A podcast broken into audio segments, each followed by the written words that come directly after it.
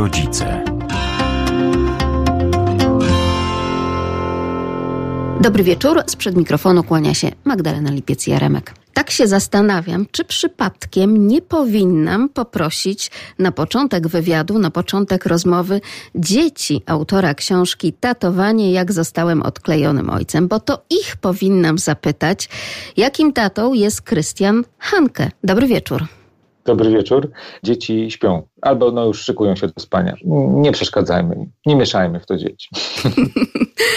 Dobrze. No to w takim razie zamieszajmy troszkę w tym rodzicielstwie. Proszę powiedzieć, panie redaktorze, jak to było przesiąść się z tego trzymanego w dłoni mikrofonu na dłoń z piórem czy palcami pod klawiaturą, jak to teraz jest współcześnie, z dziennikarza radiowego w tego piszącego? Straszne. To, była, to, było, to było piekielnie trudne. Oczywiście komputer, oczywiście laptop i nieprzespane noce, które i tak zwykle są u mnie nieprzespane, bo ja wstaję rano jako dziennikarz porankowy jakieś takie galopady myśli w głowie, ale tak naprawdę przygotowywałem się trochę do pisania tej książki. To nie było tak z marszu. Mnóstwo notatek, które robiłem do tej pory, do, do, do momentu, kiedy usiadłem do, do, do, do pisania tej książki, to jednak pomogło. Jeśli ktoś zapytałby mnie, słuchaj stary, jak napisać książkę, to pierwsze co powiedziałbym mu lub jej, najpierw sobie zrób dobrze notatki, zrób sobie takie, taki szkielet książki, którą, którą chcesz napisać i, i, potem dopiero spróbuj uzupełniać to, co pomiędzy jest. I tak będzie tego bardzo dużo, ale ten szkielet jest ważny, żeby się nie zagubić, żeby się nie pogubić. O czym to ja chciałem napisać? Co tam miało być? Więc, e, więc tak, miałem mnóstwo notatek, pohashtagowałem je jakoś taki powiedzmy sobie nowoczesny ze mnie tata. Potem, ponieważ pomysł był taki, aby ta książka miała formę kalendarza i myślę, że to dobry pomysł był, e, żeby to ułożyć w miesiące, trochę te tematy przypisać do poszczególnych miesięcy, no bo my jesteśmy trochę jak w chłopach Raymonta, prawda? Żyjemy sobie tak 365 dni, cztery pory w roku i te wszystkie także rodzicielskie sprawy i zadania, one są gdzieś tam krążą wokół tego, wokół tego roku i one się powtarzają cyklicznie, tak jak zbiory żniwa i my mamy te wszystkie stałe problemy, wyprawka we wrześniu, tak, Mikołaj w grudniu, taka już y, konkretna wizja przyszłości, czy jakieś zapisy do szkół przedszkoli wiosną i tak dalej, i tak dalej. No i to sobie pogrupowałem i, i podzieliłem na miesiące i tak ta książka zaczynała się rozrastać. Zacząłem ją pisać i miałem bardzo dużo frajdy oczywiście przy tym pisaniu, bo, bo jeśli coś nie przynosi frajdy, to nie warto tego robić. A tych myśli już przez lat kilka mojego tatowania no zebrało się, więc tych, tych, tych szkieletów, ten szkielet już był stworzony i, i w zasadzie potem to już można było trochę nawet odpłynąć, wiedząc, że za moment jest zwrot akcji, czyli kolejny temat, albo teraz pytanie, jak to zgrabnie połączyć? I to była chyba największa frajda, jak zgrabnie połączyć i przejść z jednego portu do drugiego portu, tak już mówiąc obrazowo, z jednej myśli do drugiej myśli, albo z jednego tematu do drugiego tematu. Ale jako dziennikarz, i, i tu pani pewnie mnie świetnie rozumie, to mamy we krwi, że potrafimy połączyć niebo z ziemią, Kambodżę z Ameryką Południową, wszystko da się zrobić, tylko trzeba, tylko trzeba mieć taką otwartą głowę. I tak oto narodziło się tatowanie. Możemy pokazać tę książkę naszym radiosłuchaczom. Ja tylko Państwu przypomnę, że na www.radio.lublin.pl w zakładce audycji My Rodzice tatowanie, projekt Tata, bo to kultowa audycja z programu trzeciego, której autorem jest właśnie Krystian Hanke. Tak oto powstało tatowanie. Tatowanie w opozycji do ojcostwa, czy raczej się uzupełnia razem z ojcostwem? Ach, zdecydowanie się uzupełnia, bo albo inaczej, trochę nawet może zastępuje ojcostwo. Ojcostwo to brzmi tak patetycznie, tak, tak poważnie, a ja takie miałem marzenie, żeby zdjąć ten patos z tego, żeby, żeby pokazać, że ojcostwo nie powinno nikogo przerażać, że, że jest nas, tych współczesnych, nowoczesnych ojców, ale raczej tatów, to się odmienia oczywiście, tata, tatowie, tatów, jest więcej i że, mamy takie obawy w sobie, nosimy ten bagaż y, i swojego też y, wychowania, bo jak ja patrzę na mojego, no właśnie, powinienem powiedzieć ojca, ale, ale raczej powiem tatę, to, to zawsze tak sobie myślałem, czy, czy ja czy ja podołam, czy ja dam radę. Potem patrzyłem na współczesnych ojców, jakichś takich też ważnych, poważnych, gdzie ja po prostu do tego towarzystwa, ja nie pasuję. Jestem dużym dzieckiem jakimś takim, no, oczywiście, którego wiatry gdzieś ciągle niosą, noszą, coś chce robić, coś, coś kombinuje, coś, coś wymyśla. No dzieci nie mają ze mną spokoju i tak e, to, to, muszę, to muszę powiedzieć, że gdyby pani jednak dotarła do tych moich troli i i okazałoby się, że muszą odpowiedzieć na to pytanie, to pewnie by trochę pomarudziły, że tego tatę ciągle nosi i coś chce wymyślać i co chce, coś chce robić. Ale rzeczywiście to tatowanie wymyśliło mi się w głowie i pomyślałem sobie, że to jest takie słowo idealnie oddające to, co ja właśnie robię. Czyli, czyli bycie tatą to trochę takie, takie, nie chcę powiedzieć kumpelskie, bo wiem, że niektórych to denerwuje, że jednak tata powinien być przewodnikiem, nawet jeśli jest tatą, a nie ojcem. Natomiast e, dobrze, żeby ono było zgrane. Zgrane z tym, co, co, co myślą te, te, te nasze pociechy, co, co one widzą, żebym ja też trochę wiedział, jak to one odbierają świat, jakimi oczami, jak patrzą na ten świat, co one widzą. Ja od nich to bardzo czerpię. Znaczy, staram się przynajmniej widzieć ten świat też ich oczami, ale też trochę wracam do swojego dzieciństwa, do, do mojego małego jakiegoś tam y, chłopca, który we mnie jest cały czas. I pomyślałem sobie, że to tatowanie to właśnie jest takie trochę odejście, trochę spuszczenie powietrza, trochę, trochę, trochę wyrównanie poziomów, może tak. E, oczywiście nutą doświadczenia, które mam w sobie jako dorosły już facet, ale to co, to, co mi się najbardziej podoba, to to, że czerpię ja od nich, oni ode mnie i jakoś to sobie wyrównujemy. Ale nie jest łatwo. Zwłaszcza, że może pan czerpać e, aż z dwóch pierwiastków, no bo jest pan ojcem i dziewczynki, i chłopca, prawda? Chyba troszkę inaczej to wygląda.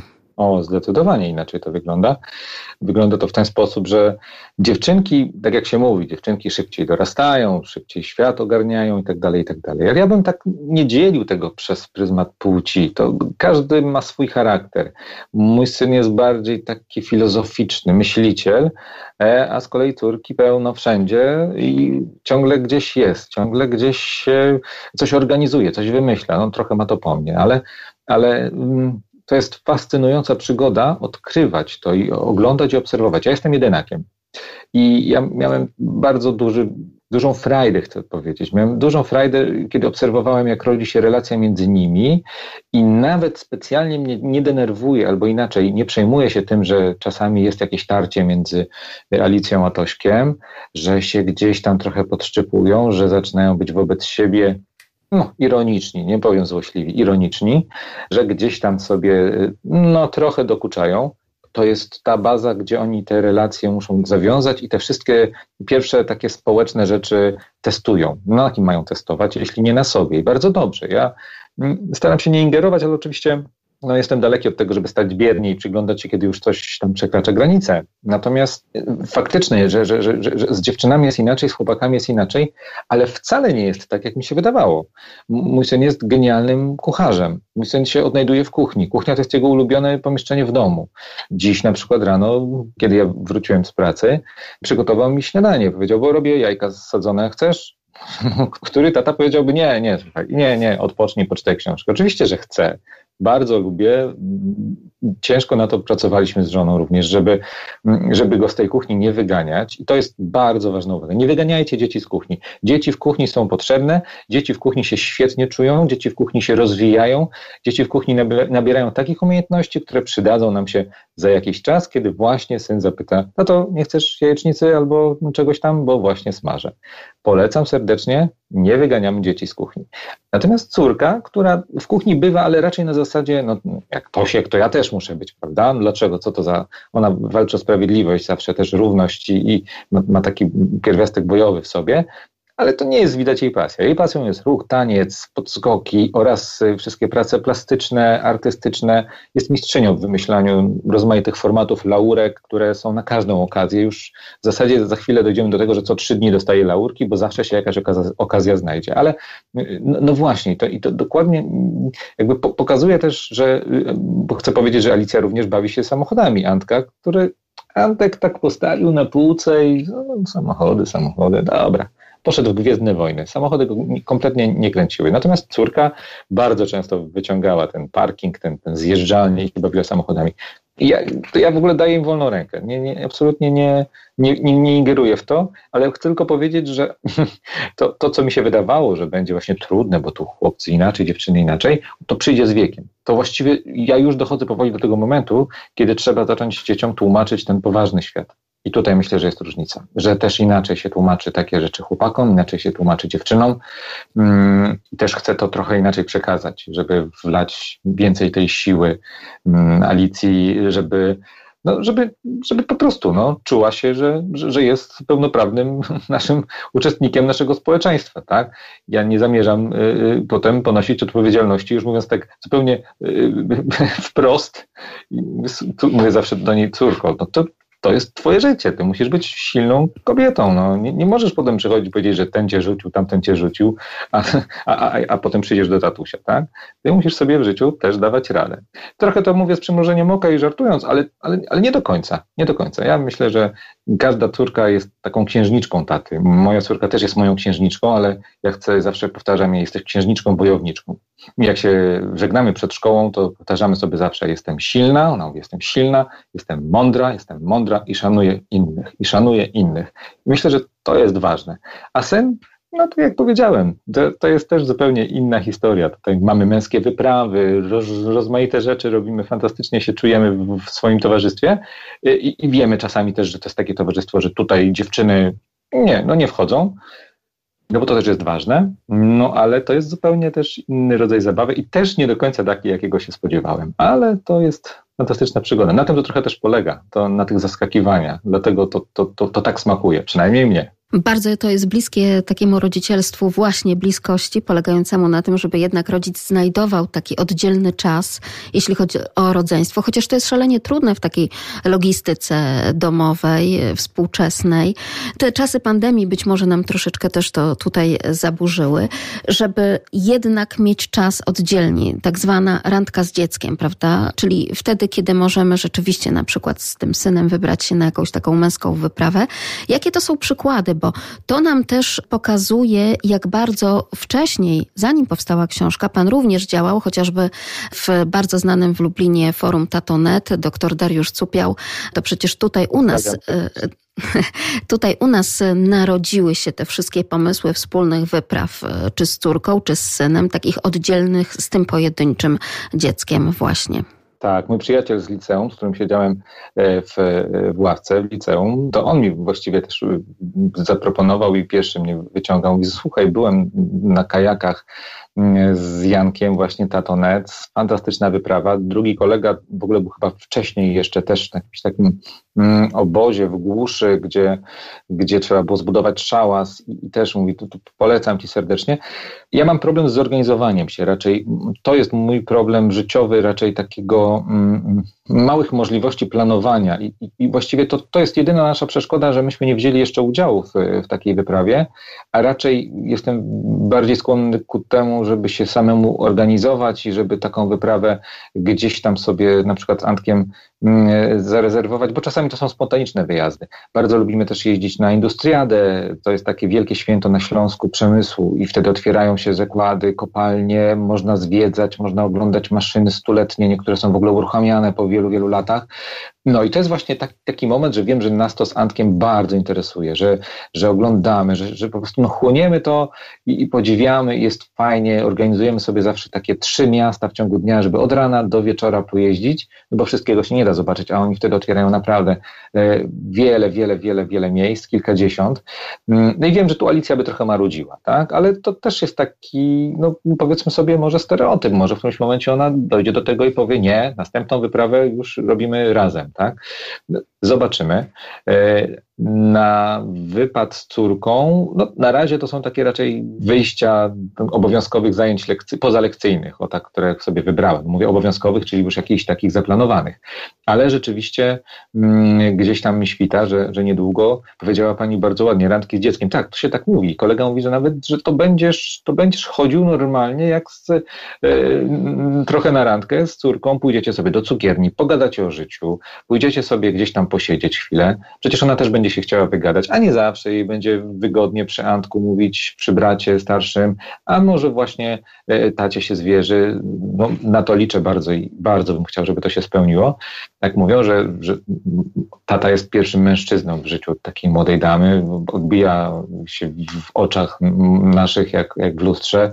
Ważne jest też docenienie na przykład tego, co zrobi, albo jak się ubierze, ocenienie, super, fajnie, tu wyglądasz. No, to nie jest dla mnie łatwe, tak? Mnie tego nikt nie Ja muszę się też do tego przyzwyczaić i muszę też uznać, że, że to jest, no, z jednej strony musi być szczere, a z drugiej strony, jeśli coś mam, powiedzmy sobie, skrytykować, to nie, nie tak, żeby tu był jakiś dramat. To nie jest łatwe dla faceta, trzeba o tym pamiętać. Ale, ale, ale bardzo się cieszę, bo, bo te, te spotkania, takie te wyjścia gdzieś tam, one już zaraz się zaczną. Człowiek się nie obejrzy, a a już będzie po, gdzieś tam, prawda, się umawiał i będzie gdzieś tam wychodził po szkole, żeby sobie jeszcze usiąść, pogadać. A może ten moment no nie nadejdzie, bo już będą gdzieś tam czy, czy, czyhać koledzy i oni będą wyciągać na te ciastka i gofry i lody. No, zobaczymy. Oby nie. Ja chcę sobie jeszcze zarezerwować ten, ten, ten moment, żeby być wyraźnie z córką. Dzisiaj no to, to, to chodzimy albo właśnie na jakiś balet, albo, albo na plac zabaw, ale tych, wy, tych wyjść jeszcze z 6,5 latką jest, jest stosunkowo za mało. No jeszcze pandemia to też zupełnie inaczej trzeba na to patrzeć. No trochę nam się świat zamknął, trochę nam się sytuacje i możliwości ograniczyły, ale to przynajmniej w domu też warto spędzić parę minut dziennie, paręnaście, parędziesiąt, ile tam człowiek sobie tego wszystkiego wygospodaruje, na to, żeby usiąść, zapytać, co się stało, jak tam minął dzień, co dobrego, albo w ogóle posiedzieć i pomilczeć, albo nawet posiedzieć, być obecnym, kiedy, kiedy córka coś tam robi, odrabia. Ja sobie nawet nie zdawałem sprawy, jak ważna czasami jest obecność, nawet milcząca obecność obok, a nie, że w drugim pokoju. Obok. Ja mogę sobie wziąć laptop i popracować, a dziecko jedno czy drugie, no bo to już teraz nieważne które, siedzi obok i coś robi, to jest naprawdę dla nich ważne. To są takie, takie drobiazgi, na które człowiek, który nie został rodzicem, mógłby nie wpaść. I, i ja uważam, że to jest świetne, świetne doświadczenie. Jedno z takich większych i ważniejszych takich dostrzeżeń w moim życiu. Niewiele potrzeba, naprawdę, żeby, żeby dzieci czuły się z nami obecne. Proszę powiedzieć w takim razie, skoro już padło to hasło pandemia, lockdowny i też oczywiście te zamknięcia w domach, jak odbiła się na Państwa rodzinie? Bo Znam e, wiele rodzin, w tym także nasi radiosłuchacze sygnalizują, że nie wszystko było takie dramatyczne, że być może właśnie to przebywanie ze sobą o wiele dłużej, o wiele częściej, w pełnej rodzinie, wtedy kiedy na przykład dwoje rodziców e, nagle podjęło pracę zdalną z domu, poza tarciami logistycznymi w małych mieszkaniach w Polsce, e, mimo wszystko znaleźli bardzo wiele plusów jednak poznawania na nowo siebie nawzajem. O tak, to bardzo, bardzo ciekawy temat i, i, podjęła Pani bardzo ważną rzecz, bo, bo my też nie mamy dużego mieszkania. Mamy troszkę podzielone na, na mniejsze sektory, tak żeby każdy mógł znaleźć coś dla siebie. E, choć y, zdaje się, że my akurat z żoną jesteśmy najbardziej pokrzywdzeni, bo, bo gdzieś tam po kątach się chowamy z tym laptopem, czasami słuchawkami na uszach, żeby się odłączyć na moment. Mm, natomiast e, już bez wątpienia rzeczywiście czasu spędzonego z dziećmi, nawet takiego efektywnego już, nie mówię tylko o samej obecności, było więcej. Było więcej, e, może mniej się wysypiamy, może jakoś tego nie dostrzegamy, bo, bo, bo ciągle się widzimy, ale Mm, tego wartościowego czasu też było więcej. To znaczy jest takie poczucie, że jak już jesteśmy razem, no to przynajmniej ja tak mam, wykorzystajmy to, tak? To zagrajmy jeszcze w coś, nie wiem, wyciągamy, leży planszówka, no dajemy. Albo po prostu dzieci decydują, w co gramy, albo co oglądamy, ale może obejrzymy coś wspólnie, tak żeby wszystkim to pasowało. Nie, żeby się pozamykać w pokojach i każdy żyje własnym życiem. Dzieci, które są, tak jak moje dzieci w wieku 6-10 lat, one potrzebują bardzo kontaktu z rówieśnikami, ale jeszcze to nie jest ten moment, że one Mm, e, bardzo tak cierpią jak nastolatki, to spodziewam się, że tutaj może być zdecydowanie większy problem. Natomiast e, dzieci, które są uczestniczą w zdalnej nauce, tak jak mój syn, to, to, to rzeczywiście mają za dnia jeszcze kontakt z rówieśnikami, choćby taki okrojony. To jest straszne, bo ja się bardzo boję tego, co będzie, jak dzieci wrócą do szkoły. Ja, ja nie wiem tak naprawdę, jak ta pandemia, jak ten rodzaj kontaktu się odbije na nich.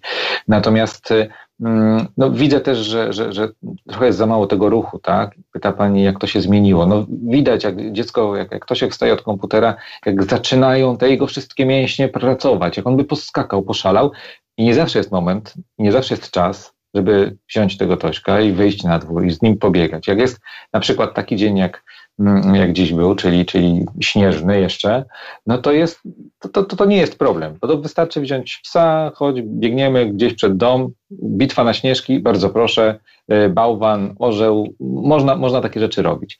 E, jak jest taka brzydka zima, no to wtedy jest problem. No oczywiście mamy rower, gdzieś tam czasami, czasami to, to tylko tą zimą, jakby w te zimne dni, ten rower, te ubiory, no, jakby trudno jest to wszystko e, tak dobrze zorganizować, ale, ale bardzo staram się, bo, bo widzę, że, że, że, dzieci potrzebują tego ruchu. Tego ruchu jest za mało. Na przerwie przynajmniej otwierają drzwi, wypadają na korytarz. Krzyczą, bo krzyczą, jak to zawsze w podstawówkach krzyczałem, to jest ten hałas, ale, ale coś robią. Nawet ten krzyk to jest jakieś wyrzucenie z siebie energii, jakieś zmęczenie. A tutaj y, sytuacja jest taka, że że, że, że no, dzieci siedzą całą lekcję, potem na przerwie znów siedzą, mają tego kontaktu więcej ze sobą, że mogą ze sobą porozmawiać, ale już uciekają, widzę, do jakichś pokojów, czatrumów, gdzie, gdzie są pewne grupki, tutaj tego nie wpuszczą, bo tego nie lubią, potem się okazuje, że jest nowy pokój, inny, inna konfiguracja tych, tych osób, ale ciągle siedzą, wysyłają sobie linki do jakichś filmików, jakichś teledysków,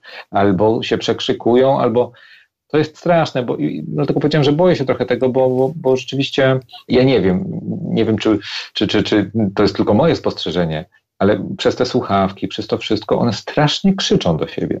To jest niesamowite. Siedzą i krzyczą, przekrzykują się.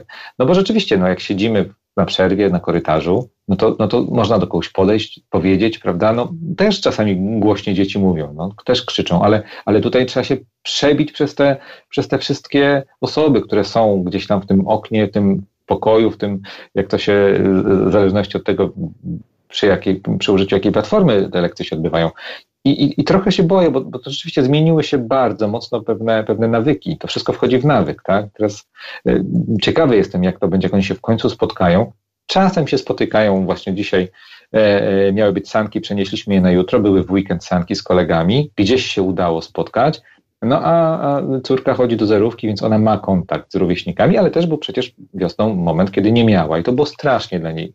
To było straszne dla niej, to było widać, że, że ona bardzo potrzebowała. No nawet robiliśmy takie wideo, czaty z, z koleżankami z przedszkola. Matko, jakby kto pomyślał sobie kilka lat temu, że przedszkol, przedszkolaki będą na wideoczatach się spotykać, bo choćby po to, żeby się na chwilę zobaczyć i, i, i ze sobą dwa słowa wymieni, zamienić.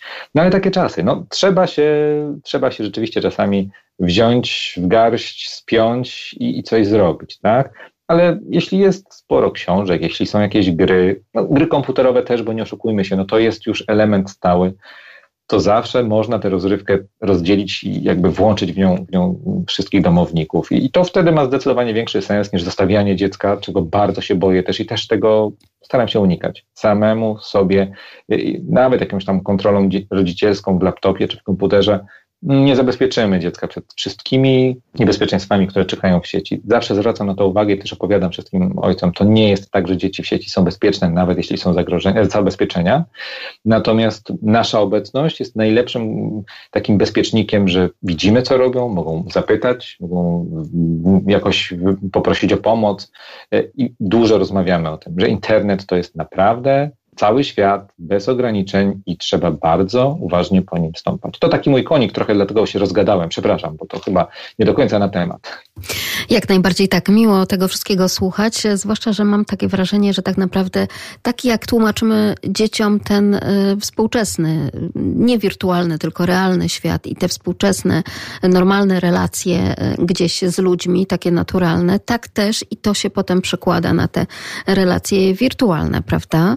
Tutaj też taka refleksja, która mi się zrodziła, że być może dobrze by było, aby powstała kontynuacja tatowania wtedy, kiedy dzieci rosną, wzrastają, kiedy pojawiają się chociażby te kolejne problemy, na przykład wieku dojrzewania. Podobno on bardzo się obniżył w Polsce. To już jest od tych dziesięciu lat e, tak naprawdę tych zachowań niepokojących rodziców e, dzieci, więc te 11-12 no to już też może być kolejny bieg przez płotki rodzicielskie. O, zdecydowanie. Ja to już poznaję, bo już widać mm, po minach, e, jakie, jakie się rysują na twarzy Tośka, na przykład przy jakichś trudnych sytuacjach, czy w ogóle nawet podczas reakcji. Bardzo mądrzy ludzie kiedyś, z którymi rozmawiałem, a rozmawiam z wieloma mądrymi osobami, bo ja sam chłonę, czerpię. Tak jak powiedziałem, jestem ojcem, tatą, praktykiem, dlatego cenię sobie wszystkie, wszystkie rady, porady, przemyślenia i ciekawe rozmowy. Mądrzy ludzie powiedzieli, wiesz, musisz się do tego przyzwyczaić. Ten taki dorastający nastolatek ma w głowie totalną wojnę. Tam się dzieje coś nieprawdopodobnego. Właściwie nie jesteś w stanie sobie tego wyobrazić. I nie możesz mieć za złe mu, że on tu odburknie, tu krzyknie, tu zamarudzi, bo no, no, on nad tym nie panuje. I to nie jest tak, że to dziecko jest złe, niewychowane, czy nie możesz sobie wyrzucać, że to, czy coś zrobiłeś źle to po prostu jest taki etap, że musisz się na to przygotować. Natomiast e, ja też, mi też brakuje cierpliwości. Mi też czasami już e, nerwy siadają, ręce opadają, no ale zawsze pamiętam sobie o tym, co, co mówią mądrzejsi ode mnie. I, I, taką piękną myśl też kiedyś usłyszałem, a nawet to był cytat e, z, z rozmowy, że, że córka powiedziała mamie, mamo, słuchaj, to nie jest tak, że ja cię nie, nie słucham albo odrzucam to, co do mnie mówisz, że, że mam taką minę, że się złoszczę. Ja po prostu no, nie, nie zawsze mogę to przyjąć od razu za pierwszym razem, ale to są bardzo mądre rzeczy, które mi mówisz. I tak sobie pomyślałem, że taka, taka, taka laurka w zasadzie, te, te, takie zdanie, taka opinia i taki, taki feedback, jakby powiedzieli w korporacji, yy, od dziecka dla rodzica, no to to jest chyba najwyższy wyraz szacunku, jaki, jaki mógłby wyrazić. To znaczy, wiem, teraz jeszcze nie, ale kiedyś na pewno te rady do mnie wrócą, one we mnie zostaną, które mówisz do mnie tato, mamo i tak dalej. W związku z czym y, też no, biorę na to poprawkę i, i rzeczywiście, kiedy to się ma marsową minę albo się złości, a złości się całym sobą, no to no cóż, no to trzeba przytulić, to trzeba zrozumieć, to trzeba wziąć głęboki oddech i także pooddychać z dzieckiem. Bardzo polecam. Ćwiczenia oddechowe to jest chyba takie najprostsze, y, najprostsza rzecz, którą można zrobić. E, no i właśnie na początku dojrzewania to powinno się bardzo mocno przydawać. Oddechy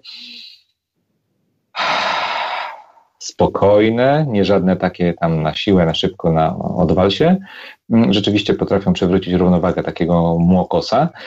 Trochę się boję, co będzie, jak córka zacznie dojrzewać, bo ona mimo wszystko ma więcej temperamentu. No ale cóż, będę już przetrenowany wtedy, więc myślę sobie, że może sobie jakoś dam radę.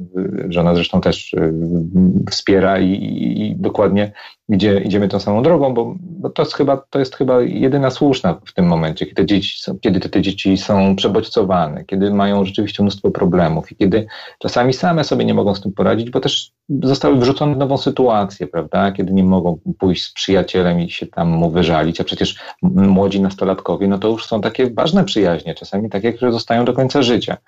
Mm, no a na razie tutaj jest to wszystko ograniczone.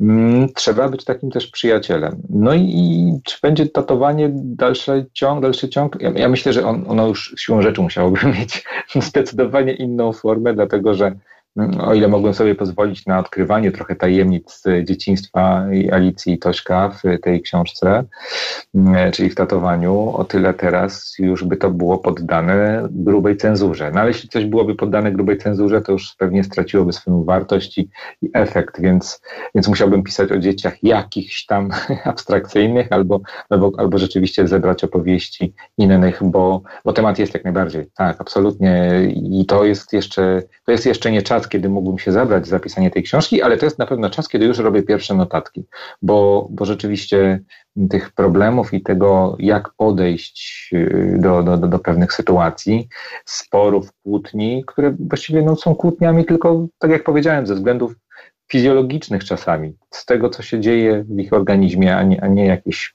poważnych, czasami mam wrażenie, że te poważne problemy, one rosną w ciszy. I to też warto mieć na uwadze, że to jest to, do czego tak łatwo nam się dostępu nie uda zdobyć. Natomiast te wszystkie wybuchy, kłótnie, no już no, trzeba to po prostu przejść i, i zrozumieć to. Sami tacy byliśmy. Czasami dobrze mieć lusterko w pobliżu. Trochę takim lusterkiem dla nas, czytelników, są te sytuacje, które opisuje Pan w książce Tatowanie.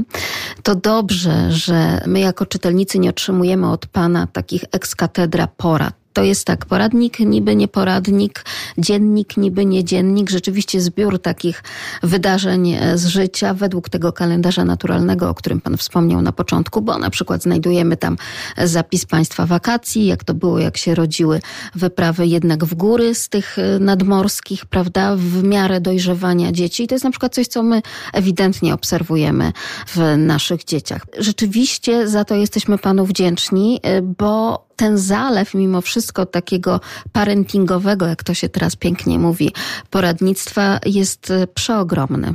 Ja mówię o tej książce raczej bezradnik, bo ja tam częściej pokazuję, jak sobie nie radzę, albo jak te moje rady gdzieś tam czasami skutkują, a czasami nie. Bezradnik to, to, to dobre określenie. Ja też nie lubię poradników takich stricte, bo mm, trochę się w nich gubię, to po pierwsze. Po drugie, mam wrażenie, że one opowiadają o jakichś abstrakcyjnych dzieciach, jakichś idealnych albo takich, które da się wpisać w Excela i tu zastosuję model, to już będzie dobrze. A przecież żadne dziecko takie nie jest. Każde jest inne, tak? Jak właściwie. Każde dziecko tak, każdego dnia jest inne. Otóż to. Więc y, bardzo dużo zależy od humoru, od tym, którą nogą wstało, co było we śnie, jak się skończyła, znaczy jak, jak, jak przebiegła ta noc. I Oczywiście te, te, te, poradniki, nie trzeba ich brać dosłownie w 100%. Tak? Jest, jest wiele fajnych książek, które zresztą ja też i czytam, podczytuję, przeglądam, które gdzieś tam jedna, dwie podpowiedzi fajnie działają. E, czy, czy, czy rodzicielstwo przez zabawę na przykład. I już mamy jakiś pomysł na rozwiązanie krytycznej sytuacji, kiedy, kiedy coś trwa za długo, a my się spieszymy, albo kiedy właśnie nie w tym kubku tata zrobił herbatę i to jest w ogóle kardynalny błąd i ja już tej herbaty nie wypiję, bo to miał być inny kubek, a, a, a czekolada nie taka, tylko taka i, i ja tego jeść nie będę. No i właśnie.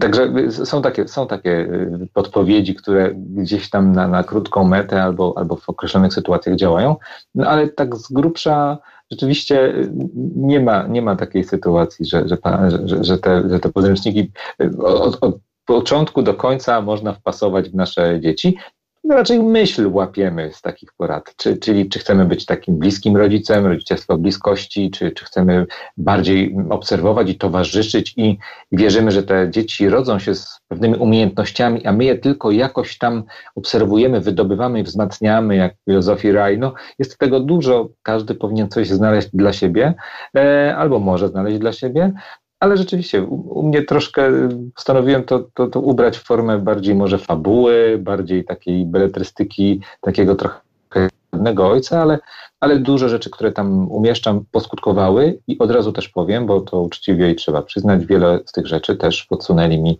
słuchacze czy rozmówcy i to jest bardzo cenne, bo, bo dzielimy się doświadczeniami. Dowód na to, że, że można się dzielić, że, że warto się dzielić, że mm, właściwie y, nikt nie urodził się idealnym rodzicem, ale jeżeli dobrze skorzysta z e, fajnych porad innych rodziców, to absolutnie y, ma szansę na to, żeby tym dobrym rodzicem pozostać i, i za lat parę, paręnaście wciąż y, nasi, nasze dzieci nie usuną nas ze znajomych na Facebooku. No bo dlaczego miałyby to zrobić, skoro jesteśmy fajni? I nie powiedzą o nas stary, a mój stary wrócił z roboty. To jest moje marzenie. Oby się spełniło. Tak się zastanawiam, no bo przecież tatowanie z okładki książki spogląda na nas tata, mężczyzna, pan we własnej osobie, takiej powiedzmy delikatnie zmodyfikowanej. Y, ci radiosłuchacze, którzy widzieli okładkę, wiedzą o czym mówię. Natomiast proszę powiedzieć, czy czytelniczki, czy kobiety, czy do nich też adresowana jest ta książka? Co one tam mogą w ogóle znaleźć i czy mogą sięgać po tę książkę? Bo wiemy to, że coś takiego w tych matkach, logistyczkach jest e, w tych kobietach, że jednak one bardzo chętnie działają na tym polu dokształcania się w wychowywaniu własnych dzieci. Czy to samoistnie organizują się właśnie na jakichś forach parentingowych? No, nie mówimy tutaj o tych słynnych, e, satyrycznie jakby pokazywanych matkach, które mają chorą córkę e, w internecie, ale jednak mówimy o takim rzeczywiście nawzajem blogowaniu jedna mama drugiej mamie, prawda? Ojcowie w Polsce dopiero jakby do do tego grona dochodzą. Blok ojciec, tata i dzieciaki, no tu można by było też mnożyć przykłady.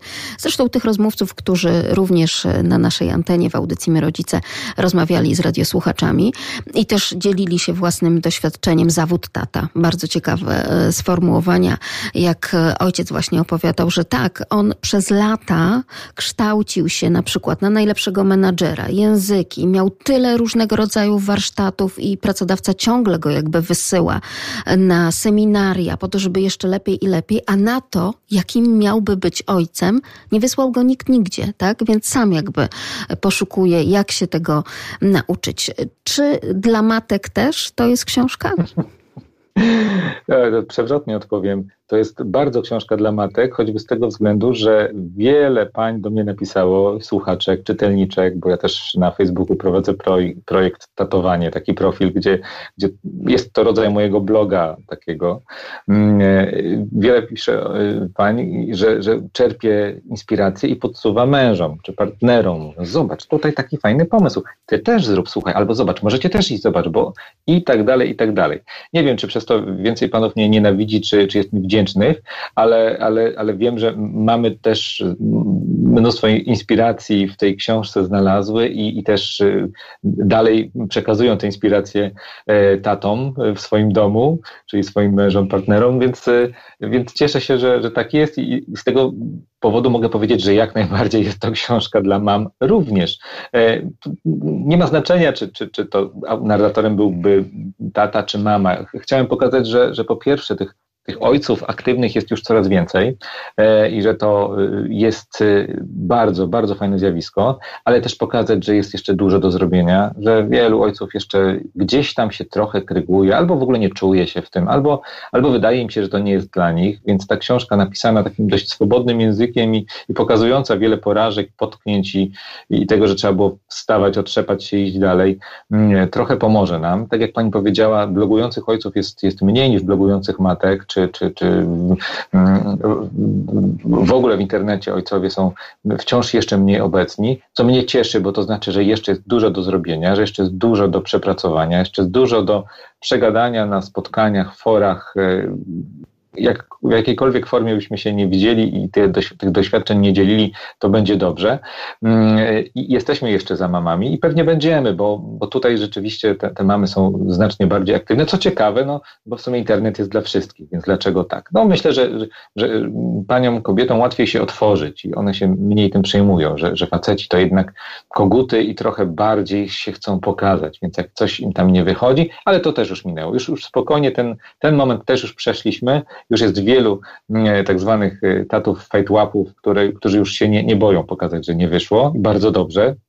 Nie wszędzie nam zawsze wychodzi. Tak? Nie jesteśmy idealnymi kierowcami, nie robimy wszystkiego na najwyższym poziomie. Mamy prawo się potknąć mm, i też mamy prawo to powiedzieć i, i bardzo dobrze, bo, bo wtedy też inni mówią, stary, no luz, tak? wrzuć na luz, dziś się nie udało, jutro będzie dobrze. I to nie jest ten etap, gdzie na początku każdy chciał być tym idealnym, że jeśli piszę w internecie, to, to znaczy, że ja już wiem wszystko. Nie, nie, bardzo dobrze, że tak nie jest i, i to jest pole cały czas do wspólnego działania, do podpowiedzi i to bardzo jest ciekawe, jakie pytania potrafią ojcowie już za, za postawić, czy, czy na forach, czy, czy pisząc do mnie, bo też dostaję dużo, dużo pytań y, szczegółowe, y, takie, które właściwie wchodzą w dziedzinę, która była zarezerwowana tylko dla mamy. Mleko, dziecko, butelka, E, tutaj y, odbijanie po, po, po karmieniu. No, kiedyś to, rzeczywiście tata spał sobie i chrapał w pokoju obok, a mama nosiła to, to niemowlę i karmiła i potem usypiała. Teraz absolutnie mm, śmiem twierdzić, że,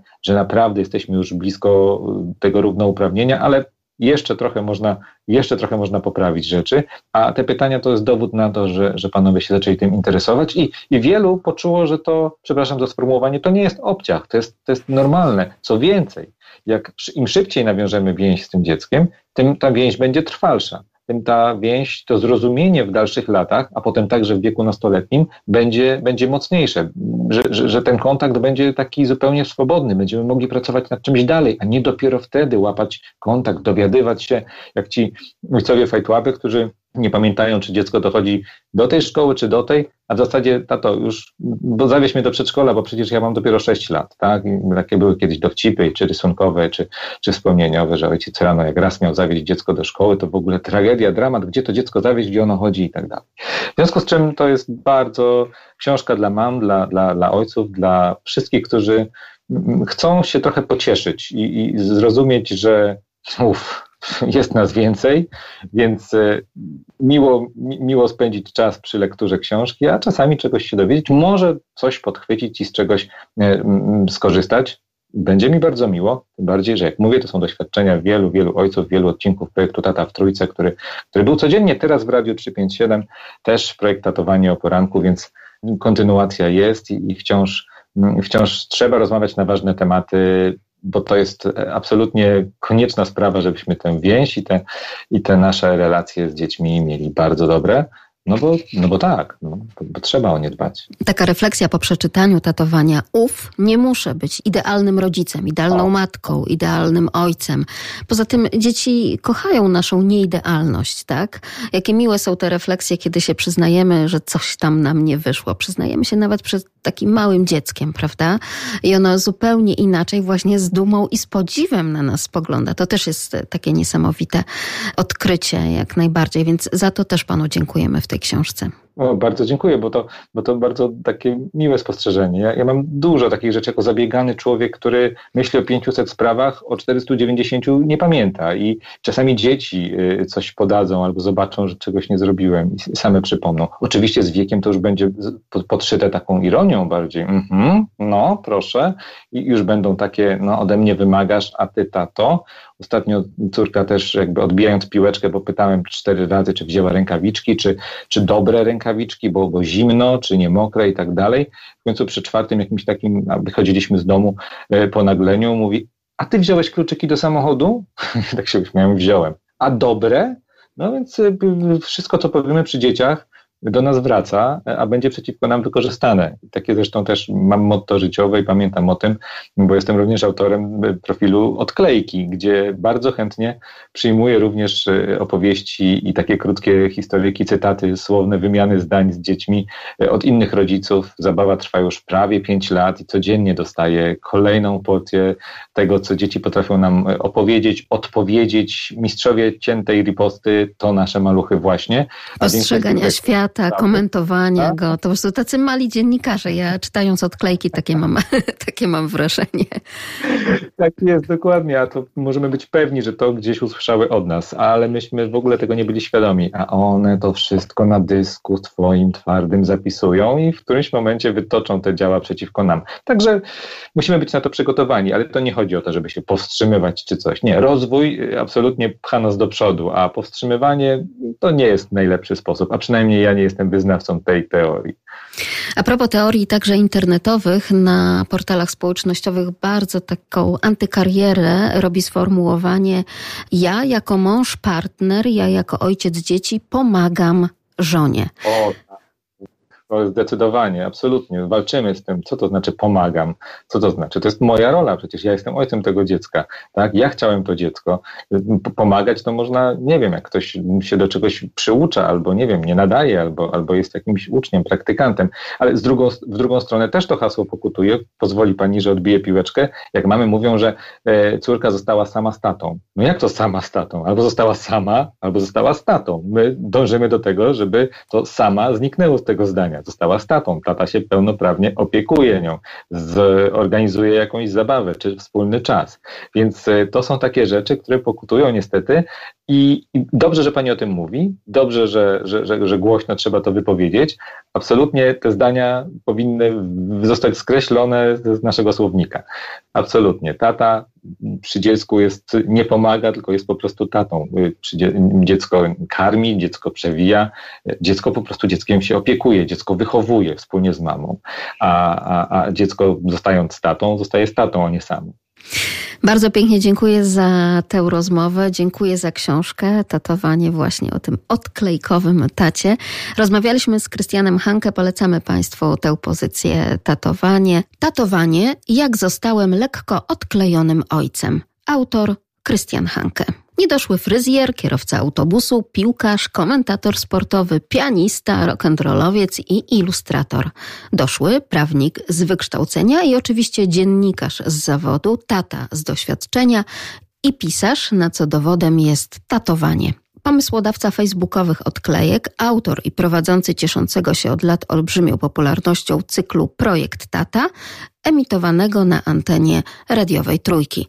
Obecnie dziennikarz Radia 357. Tak jak już zaznaczyłam, można zobaczyć również fragment naszej rozmowy na stronie www.radio.lublin.pl.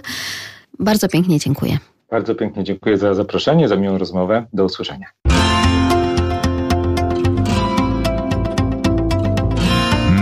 Rodzice. Dobry wieczór. W audycji My Rodzice witamy kolejnego gościa. Tym razem razem z nami Antonina Grządkowska, koordynatorka programu stypendialnego w Fundacji Świętego Mikołaja. Dobry wieczór. Dobry wieczór. Fundacja Świętego Mikołaja dba o dzieci także w czasie pandemii. Nie jest to łatwe, jest to bardzo trudne, zwłaszcza, że te potrzeby rosną, rosną w dobie zdalnego nauczania, prawda?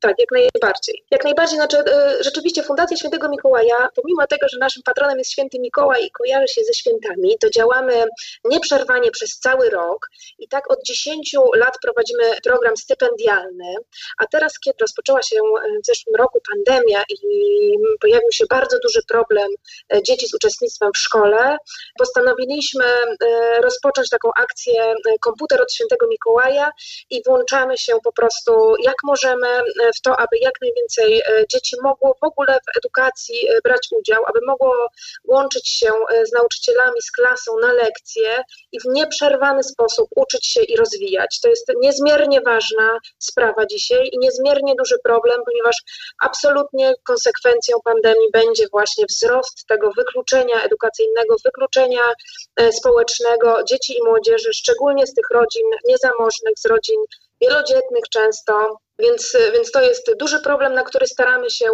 odpowiadać. Skąd Państwo mają takie informacje? Skąd Państwo wiedzą, gdzie należy na przykład y, sprezentować, gdzie, jakiej rodzinie, do jakiej miejscowości, do jakiego domu taki komputer do nauki zdalnej? Skąd to po prostu Państwo wiedzą? Tak, znaczy no tutaj bazujemy na naszym dziesięcioletnim doświadczeniu współpracy ze szkołami, ponieważ program Stypendia Świętego Mikołaja, który prowadzimy, prowadzimy w takiej ścisłej współpracy ze szkołami.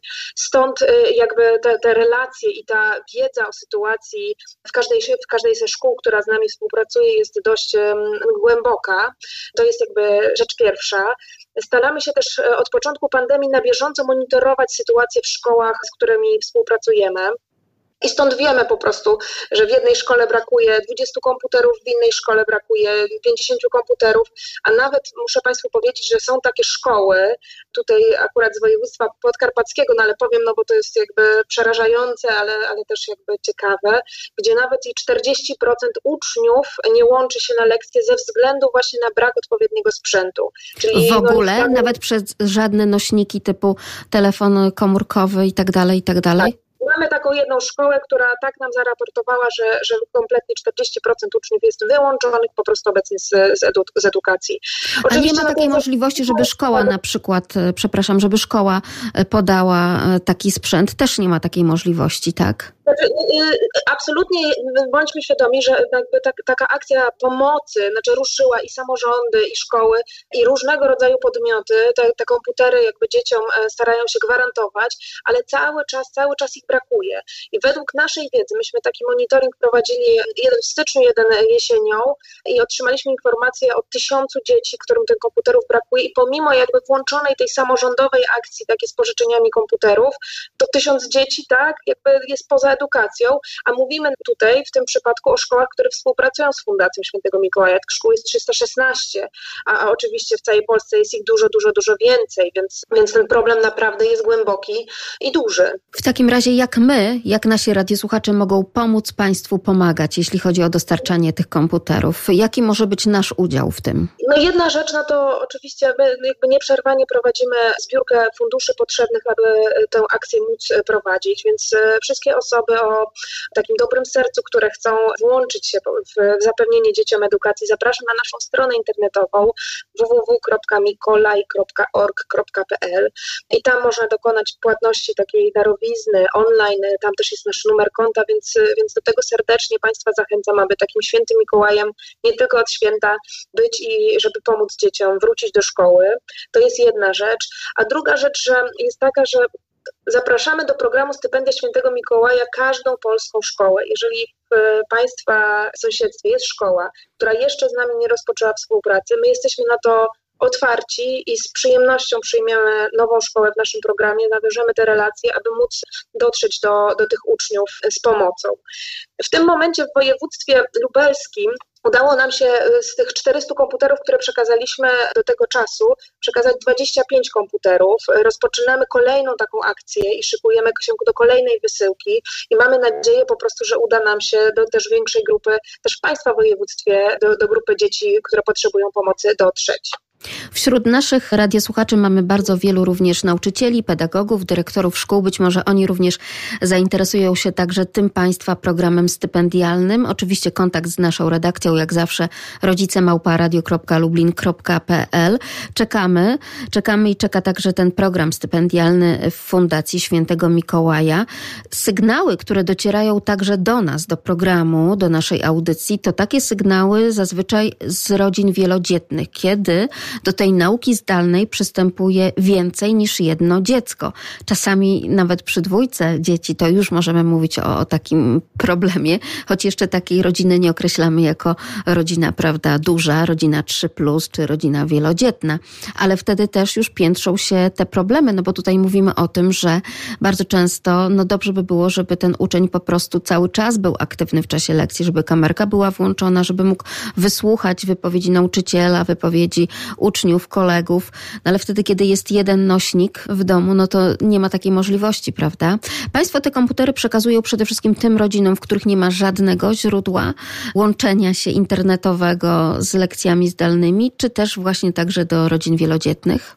Znaczy, no, rzeczywiście rodziny wielodzietne traktowane są w naszym procesie priorytetowo, tak samo jak rodziny, w których jeden z członków rodziny jest osobą niepełnosprawną, bo to też jakby często no, powoduje i większe wydatki w tej rodzinie i większe trudności po prostu, więc, więc te, te dwie grupy jakby traktujemy priorytetowo, ale też to, co mm, tutaj Pani pytała w pewnym momencie wcześniej w naszej rozmowie o łączenie się też przez telefony komórkowe. Tu chcę zwrócić uwagę, że z jednej strony no, telefon komórkowy pozwala rzeczywiście połączyć się z lekcją, tak, bo słyszymy nauczyciela, ale jednak do nas przychodzą też takie sygnały o uczniach na przykład klas już licealnych, klas maturalnych, którzy uczą się pisać eseje, które będą wymagane na egzaminie za chwilę od nich, tak, na telefonie komórkowym. Proszę sobie wyobrazić, jak, jak trudne to jest zadanie, tak, znaczy to jest po prostu moim zdaniem prawie, że niewykonalne, więc, więc tutaj jakby nie rozgraniczamy uczniów, tych, którzy mają telefon komórkowy od tych, którzy tego telefonu nie mają i uważamy, że po prostu, no po prostu ten komputer jest tak samo potrzebny.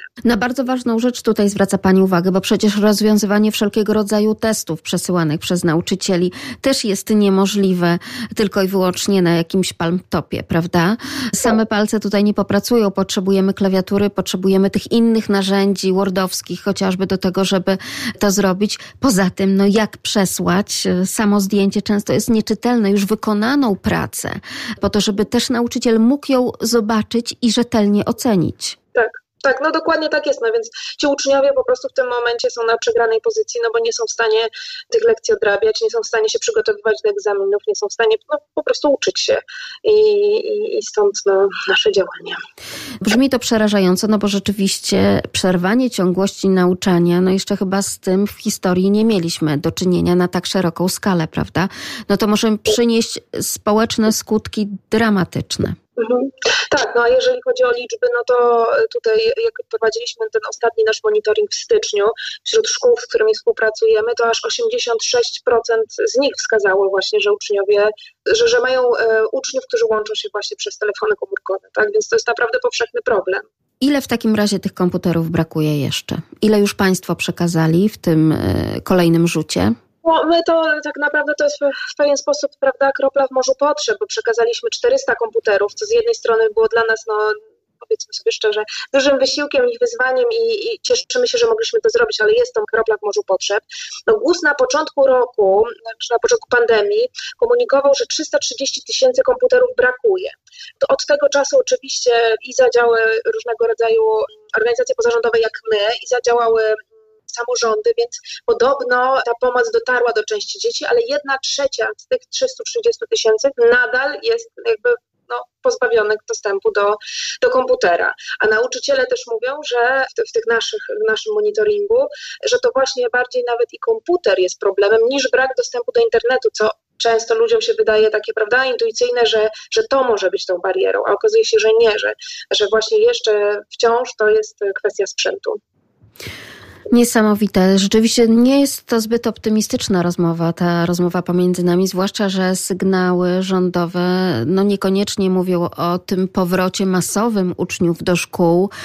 Są tacy rodzice, którzy już się zastanawiają, jak będzie wyglądał nie tylko tutaj ten drugi semestr, końcówka tego roku nauczania, ale już nowy rok szkolny. To znowu będzie wrzesień, to znowu będzie jesień, to znowu będzie być może wzrost zachorowań na wszelkiego rodzaju rodzaju powikłania pogrypowe, w tym także oczywiście COVID-19 i jego pochodne.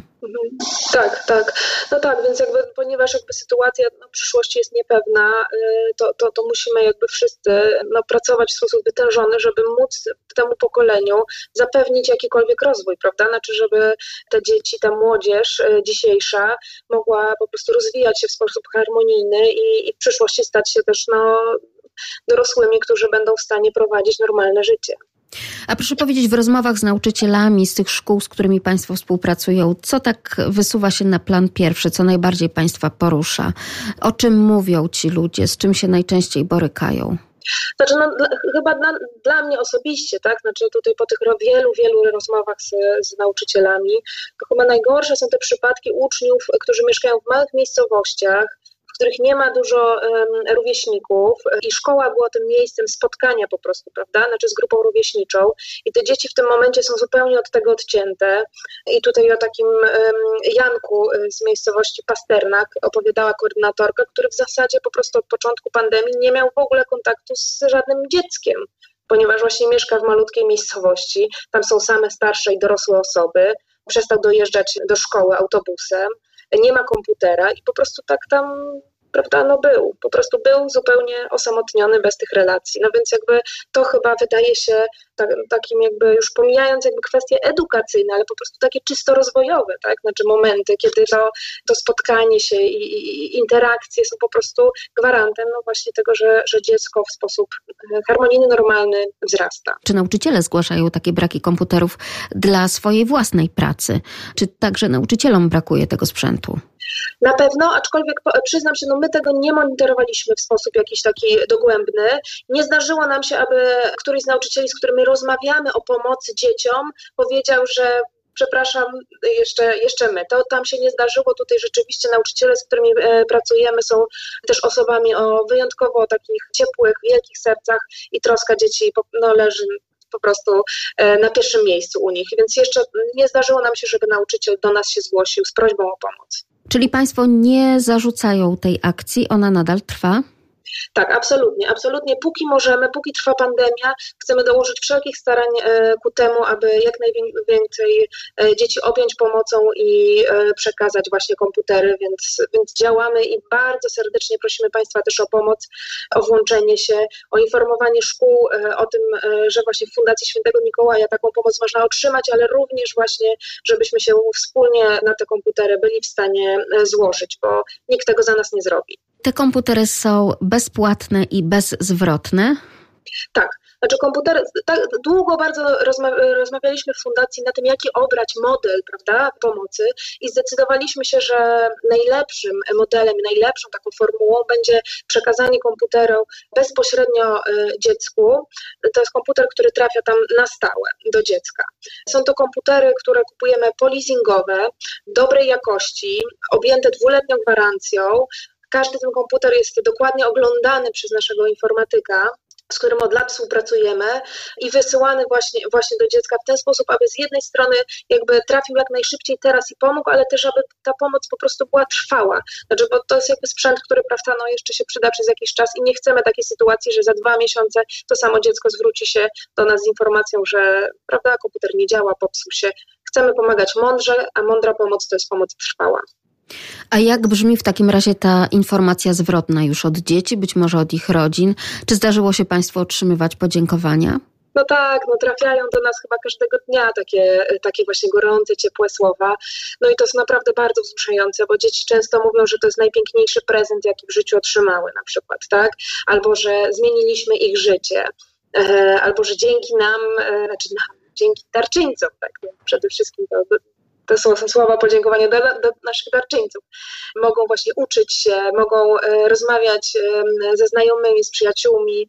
No to jest ogromne i ciepłe słowa podziękowań do nas spływają cały, cały czas. Czy rodzice też mogą się zwracać do Państwa z prośbą o pomoc, że być może rzeczywiście tutaj w tej czy w innej rodzinie brakuje takiego sprzętu? Znaczy, obrany przez nas model to jest model e, współpracy ścisłej ze szkołami, więc oczywiście e, rodzic może do nas napisać, ale wtedy my zawsze jakby skierujemy go do tego, aby poszedł do swojej szkoły i żeby dyrekcja z nami się skontaktowała, że my, bardzo nam zależy, żeby takich partnerów po prostu pewnych, lokalnych mieć na miejscu. Uważamy, że takim pewnym lokalnym partnerem jest właśnie e, szkoła, więc to, to jest dla nas kluczowe, aby ze szkołą e, no, nawiązać po prostu trwałą współpracę. Stąd też e, potwierdzenie, no i żeby to wszystko było uczciwe i sprawiedliwe. Tak, znaczy no tutaj jak najbardziej to, co leży nam na sercu, to jest kwestia transparentności i e, tego, żeby rzeczywiście docierać z pomocą tam, gdzie ta pomoc jest potrzebna, a nie trafiać po prostu ślepymi kulami w płot. Trzymam kciuki, wierzę, że jeszcze się uda zdobyć kolejnych 400, nawet więcej tych laptopów. Razem z nami była Antonina Grządkowska, koordynator programu stypendialnego w Fundacji Świętego Mikołaja. Bardzo pięknie dziękuję za życzliwość, dziękuję za rozmowę. Dziękuję serdecznie. Pandemia COVID-19 wszystkich bardzo mocno doświadczyła, a także wpłynęła na pogłębienie nierówności edukacyjnych. Zarówno Fundacja Świętego Mikołaja, jak i współpracujące z nią szkoły chcą pomóc zdolnym uczniom z niezamożnych rodzin poprzez stypendia. Stypendium dla takiego ucznia to szansa, aby mógł rozwijać swoje talenty, czy też kupić niezbędne materiały, opłacić udział w zajęciach czy kursach. Tylko w ten sposób nie stracimy ukrytego w dzieciach potencjału i pomożemy im rozwijać skrzydła.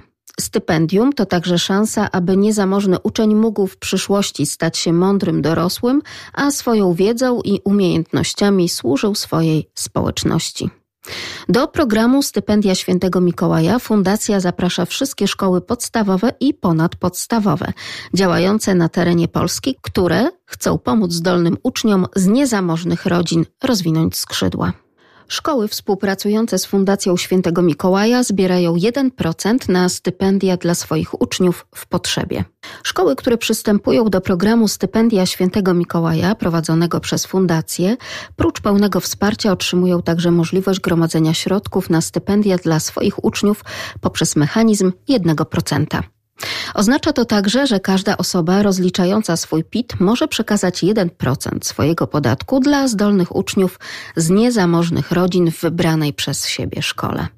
Aby przekazać 1% podatku na stypendia wybranej szkole, wystarczy wybrać szkołę, która prowadzi program Stypendia Świętego Mikołaja, wpisać w deklaracji PIT-KRS Fundacji Świętego Mikołaja, a w informacjach uzupełniających w deklaracji uzupełnić pole cel szczegółowy, czyli nazwa, numer, a także miejscowość danej szkoły. Mogą Państwo skorzystać z darmowego programu do wypełniania PIT-ów, w którym wskazany jest już numer KRS Fundacji Świętego Mikołaja. Wystarczy tylko wypełnić cel szczegółowy. A szczegóły, jak tego dokonać, na stronie www.mikołaj.org.pl.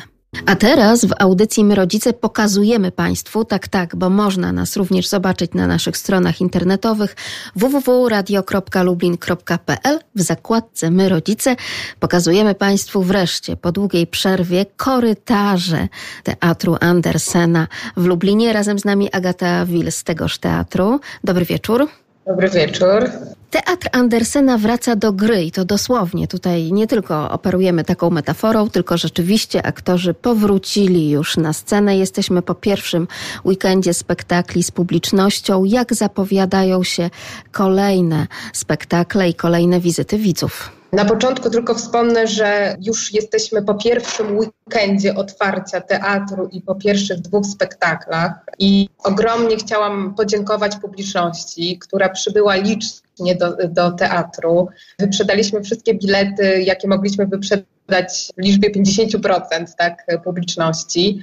Publiczność dopisała zarówno na warsztatach lalkarskich, jak i na spektaklu Szewczyk-Dratewka przez te dwa dni, więc bardzo, bardzo, bardzo dziękujemy i liczymy na to, że ponownie spotkamy się w kolejny weekend i w kolejny weekend lutego, bo zaplanowaliśmy e, jeszcze dwa spektakle i dwa weekendy rodzinne.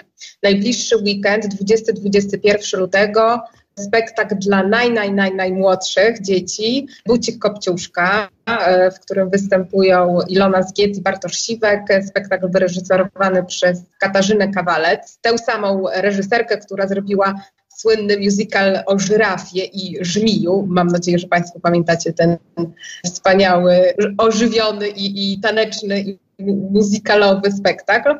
W najbliższym czasie sobotę o godzinie 16 oraz w niedzielę o godzinie 12 dwa spektakle Bucik Kopciuszka. Bilety dostępne są już w sprzedaży w serwisie Bilety 24.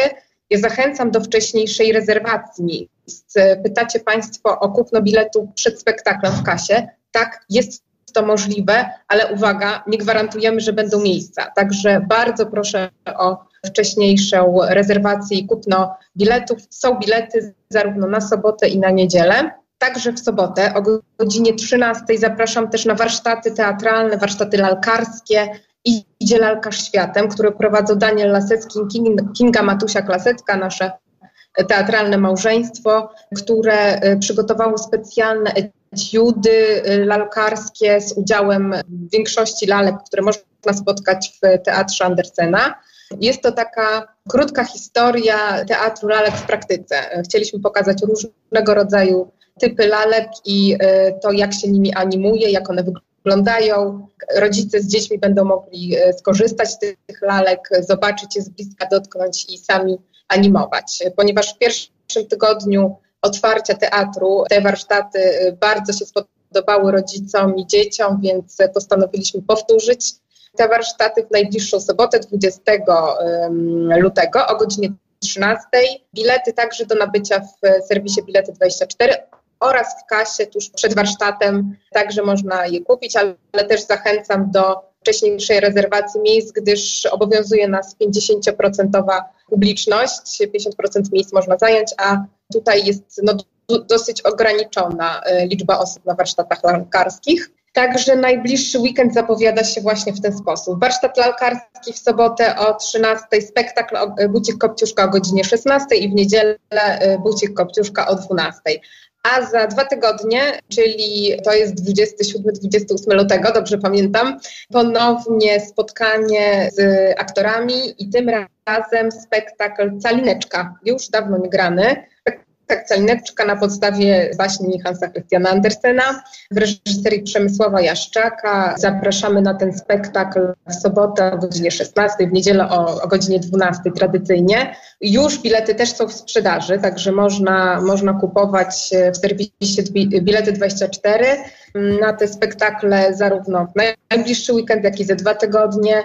Czekamy na Państwa z utęsknieniem. Jesteśmy gotowi do grania, otwarci, otwarte są nasze drzwi i, i nasze serca na to, żeby Państwa przyjąć. Oczywiście obowiązują nas cały czas wszystkie zasady bezpieczeństwa, reżimu sanitarnego. Nadal jesteśmy w okresie pandemii, ale widzę, że tutaj po, pierwszym, po pierwszych spektaklach wszyscy dostosowują się do tych zasad y, i wszystko jest ok, bezpiecznie, wszyscy są zadowoleni, więc no, mam nadzieję, że sprostaliśmy wymaganiom, sprostaliśmy tym wszystkim zasadom i, i obowiązkowym zasadom, które są y, bezpieczeństwa, tak, które są teraz, teraz obowiązują. Także zapraszamy serdecznie Państwa do Teatru Andersena i na warsztaty, i na spektakle. Jesteśmy. Proszę nas odwiedzić koniecznie, gdyż strasznie tęsknimy. Aktorzy za każdym razem to powtarzają i też mówili to na zakończenie ostatniego spektaklu Szewczyk Dratewka, że bardzo się cieszą, że po prostu wszyscy, że, że ludzie przychodzą, że, że dzieci chcą, że znowu słyszymy ten, ten głos dzieci, te, te komentarze, śmiechy i uśmiechy i no, bardzo nam tego wszystkim brakowało. I oczywiście oklaski. I tak sobie myślę, że rzeczywiście także te oklaski tym razem należą się no, przede wszystkim aktorom, ale też i widzom za to, że zwłaszcza dzieci, ci najmłodsi widzowie, tak świetnie podołali temu, że jednak przystosowali się do tych wszystkich restrykcji, czyli dezynfekcja rąk, dystans, ale też oczywiście maseczka podczas spektaklu. Tak, y, zasady Przypominamy o tych zasadach e, tuż e, przed spektaklem, w trakcie spektaklu. Wszystko jest, wszystkie zasady, które obowiązują w naszym teatrze są też dostępne na stronie internetowej, także zachęcamy do przeczytania i zapoznania się z tymi zasadami przed kupnem biletu, dostosowania się do nich. Na pewno wszystkim będzie raźnie e, tutaj przebywać w teatrze i bezpiecznie będziemy się bawić w teatrze Andersena. A proszę powiedzieć jeszcze, jakie są głosy aktorów? Czy oni bardzo przeżyli tę przerwę? No i czy mają teraz siłę, czy na nowo jakby wgrali się, wdrożyli w to granie przed publicznością? Oni już byli gotowi y, dawno, już tylko czekali na, na to, żeby powiedzieć start. Tak, już gramy, już jesteśmy. Przed pierwszym spektaklem Szewczyk Dratewka, który prezentowaliśmy 13 lutego, czuliśmy się wszyscy, jakby, jakby to była premiera, jakby to było po prostu jakieś wielkie, ogromne wydarzenie, że y, no, wracamy y, tak jakby, z, z, jakby to była wielka pompa, nagle wielka gala. Był to no niby kolejny spektakl, tak, który mieliśmy grać w repertuarze. W ogóle ten repertuar też bardzo szybko stworzyliśmy, dostosowaliśmy się do, bardzo szybko do, do, tego, do tej nowej sytuacji. Byliśmy na to przygotowani po prostu. Czekaliśmy tylko na to, żeby, żeby włączyć play, tak, żeby włączyć play, żeby, żeby, żebyśmy mogli grać. Bo byliśmy na to po prostu przygotowani, gotowi i z dnia na dzień właściwie e, wszyscy się zorganizowali i e, stworzyliśmy ten, ten repertuar i zagraliśmy. Wszyscy są gotowi, wszyscy już nie mogą się doczekać. Trwają też próby e, do, do nowego spektaklu, o którym będziemy niedługo mówić, Wilki, Trzy Świnki oraz Leśniczy, co strzeże dziczy. Więc e, no, każdy jest spragniony, każdy z aktorów pracy, prób czytania, spotkania z publicznością. Nie możemy się, już wszyscy, naprawdę wszyscy aktorzy nie mogą się już doczekać tej normalności. Do nas, do redakcji także ciągle jeszcze trafiają pytania. Przypomnę adres rodzicemałparadio.lublin.pl. Co z tą tak długo odkładaną premierą Pipi?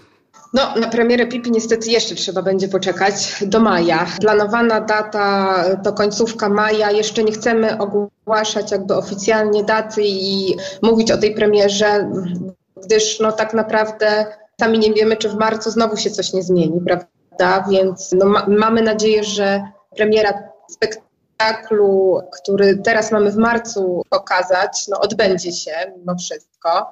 Także jest nam trudno powiedzieć, ale Pipi, Pipi nadal jest w przygotowaniach i mamy nadzieję, że w końcu się od, odbędzie w maju. Także szykujmy się na maj, jeśli chodzi o Pipi, ale wiemy też, wiemy, że wszyscy na to czekają. Widzowie też dają nam znać i pytają o Pipi i, i nie mogą się doczekać. Także no my też nie możemy się doczekać. A na marzec czekamy właśnie na te trzy świnki, tak? Tak, y, planowana premiera spektaklu Wilk i Trzy Świnki oraz Leśniczy, co strzeże dziczy, bardzo trudny do wymówienia tytuł. Jest to spektakl w pełni stworzony przez zespół aktorski. Łukasz Staniewski, Kasia Staniewska, Daniel Lasecki, Kinga Lasecka i Natalia Sacharczuk przygotowali tekst, muzykę, scenariusz, projekty scenografii, lalek, wszystko swoim sumpem sami, sami zaprojektowali. Wykonała oczywiście pracownia plastyczna tutaj pod kierownictwem Cezarego Sielickiego. To jest historia o trzech świnkach, e, które wyruszają w podróż do różnych miejsc na świecie i jest właściwie inspirowana bajkami braci Grimm. Nie jest to dosłowna adaptacja czy Czerwonego Kopturka, czy, czy baśni o, o Trzech Świnkach, ale jest to takie pomieszanie różnych historii z baśni braci Grimm y, i stworzony został autorski y, scenariusz. Planujemy tę premierę 6 marca, także już niedługo. Będziemy spektakl ten grać przez cały marzec. Już rozsyłamy informacje do szkół, do przedszkoli na ten temat, że no, rezerwacje grupowe są już możliwe i przygotowujemy się do tego. Oczywiście nie wiemy, jaka będzie sytuacja, ale mimo wszystko my działamy tak, jakbyśmy mogli grać i tak, jakby ta premiera się odbyła normalnie. Niedługo już e, ruszymy ze sprzedażą też biletów indywidualnych e, na, w serwisie Bilety 24 ale jeszcze wszystkie materiały promocyjne, informacyjne są w przygotowaniu. Opublikowaliśmy już na Facebooku nasz e, oficjalny plakat do tego spektaklu. Mamy nadzieję, że też premiera odbędzie się w taki tradycyjny sposób, może z ograniczoną publicznością, bo niestety nie, wszystkich nie, nie pomieścimy, ale miejmy nadzieję, że uda nam się ją zorganizować w sposób tradycyjny. Przewidujemy też możliwość stworzenia takiej premiery online i, i e, nagrania spektaklu w taki sposób, żeby można go było oglądać też e, online i sprzedawać właśnie te, e, jako, jako spektakl, który można zobaczyć w internecie. Spektakl też dla najmłodszych, od piątego roku życia, z udziałem pięciu różnych typów lalek oraz teatru cieni i takiej maszyny epidiaskopu do, do, do prezentacji obrazów i kiedyś stosowało się epidiaskop w szkołach, na uniwersytetach. Ja jeszcze pamiętam, coś takiego było, taki pierwszy projektor, tak, który można było stosować do pokazywania czy do prezentacji tekstów, slajdów. Zastosujemy w tym spektaklu. Przepiękne rysunki, przepiękne lalki, wspaniały tekst, wspaniała historia, muzyka na żywo. Uważam, że spektakl, na którym oczywiście nie tylko dzieci, ale i dorośli będą się świetnie bawić. Ale tak jak słyszę, no to rzeczywiście na bogato. Tak wiele typów lalek, do tego także wyświetlenia, muzyka na żywo, więc naprawdę tutaj będziemy mieli całą gamę możliwości także takich edukacyjnych poznania, tworzenia teatru. Tak, i właściwie też ten spektakl miał e, takie zadanie, to był cel tego spektaklu, żeby pokazać jak największą gamę lalek i taki troszeczkę teatr od kulis. Wszystkie te rzeczy, które tworzy się w teatrze, scenografię, lalki, muzykę, chcieliśmy pokazać na scenie. Do spektaklu będzie też można zorganizować warsztaty, które przybliżą właściwie ten, tę pracę za kulis, tak? czyli pracę lalkarza, pracę tworzenia lalek, czy jak, jak się tworzy, jak się potem te lalki, jak projekty przechodzą w, w już rzeczywiste lalki, które występują na, na scenie i, i jakie to są typy lalek. Także ten warsztat, który będzie takim dopełnieniem tego spektaklu, też odkryje więcej kart, odkryje te tajemnice teatru Teatru Lalek. Także zapraszamy serdecznie do wyglądania, wypatrywania na naszej stronie i portalach społecznościowych informacji o premierowym spektaklu Wilk i Trzy Świnki oraz Leśniczy, co strzeże dziczy. Będziemy razem z dziećmi, z widzami, tymi najmłodszymi, opiekunami, rodzicami, także ćwiczyć tę łamigłówkową pozycję. Wilk i trzy świnki oraz leśniczy, co strzeże dziczy. Bardzo pięknie dziękujemy za te wszystkie propozycje i zaproszenia. Tak pięknie do Teatru Andersena zapraszała Państwa Agata Wil, jak zazwyczaj, promotorka z sercem tego teatru dla dzieci. Bardzo pięknie dziękuję za rozmowę. I teraz możemy to Dziękuję. powiedzieć. Do zobaczenia w teatrze. Do zobaczenia w Teatrze Andersena. Na żywo.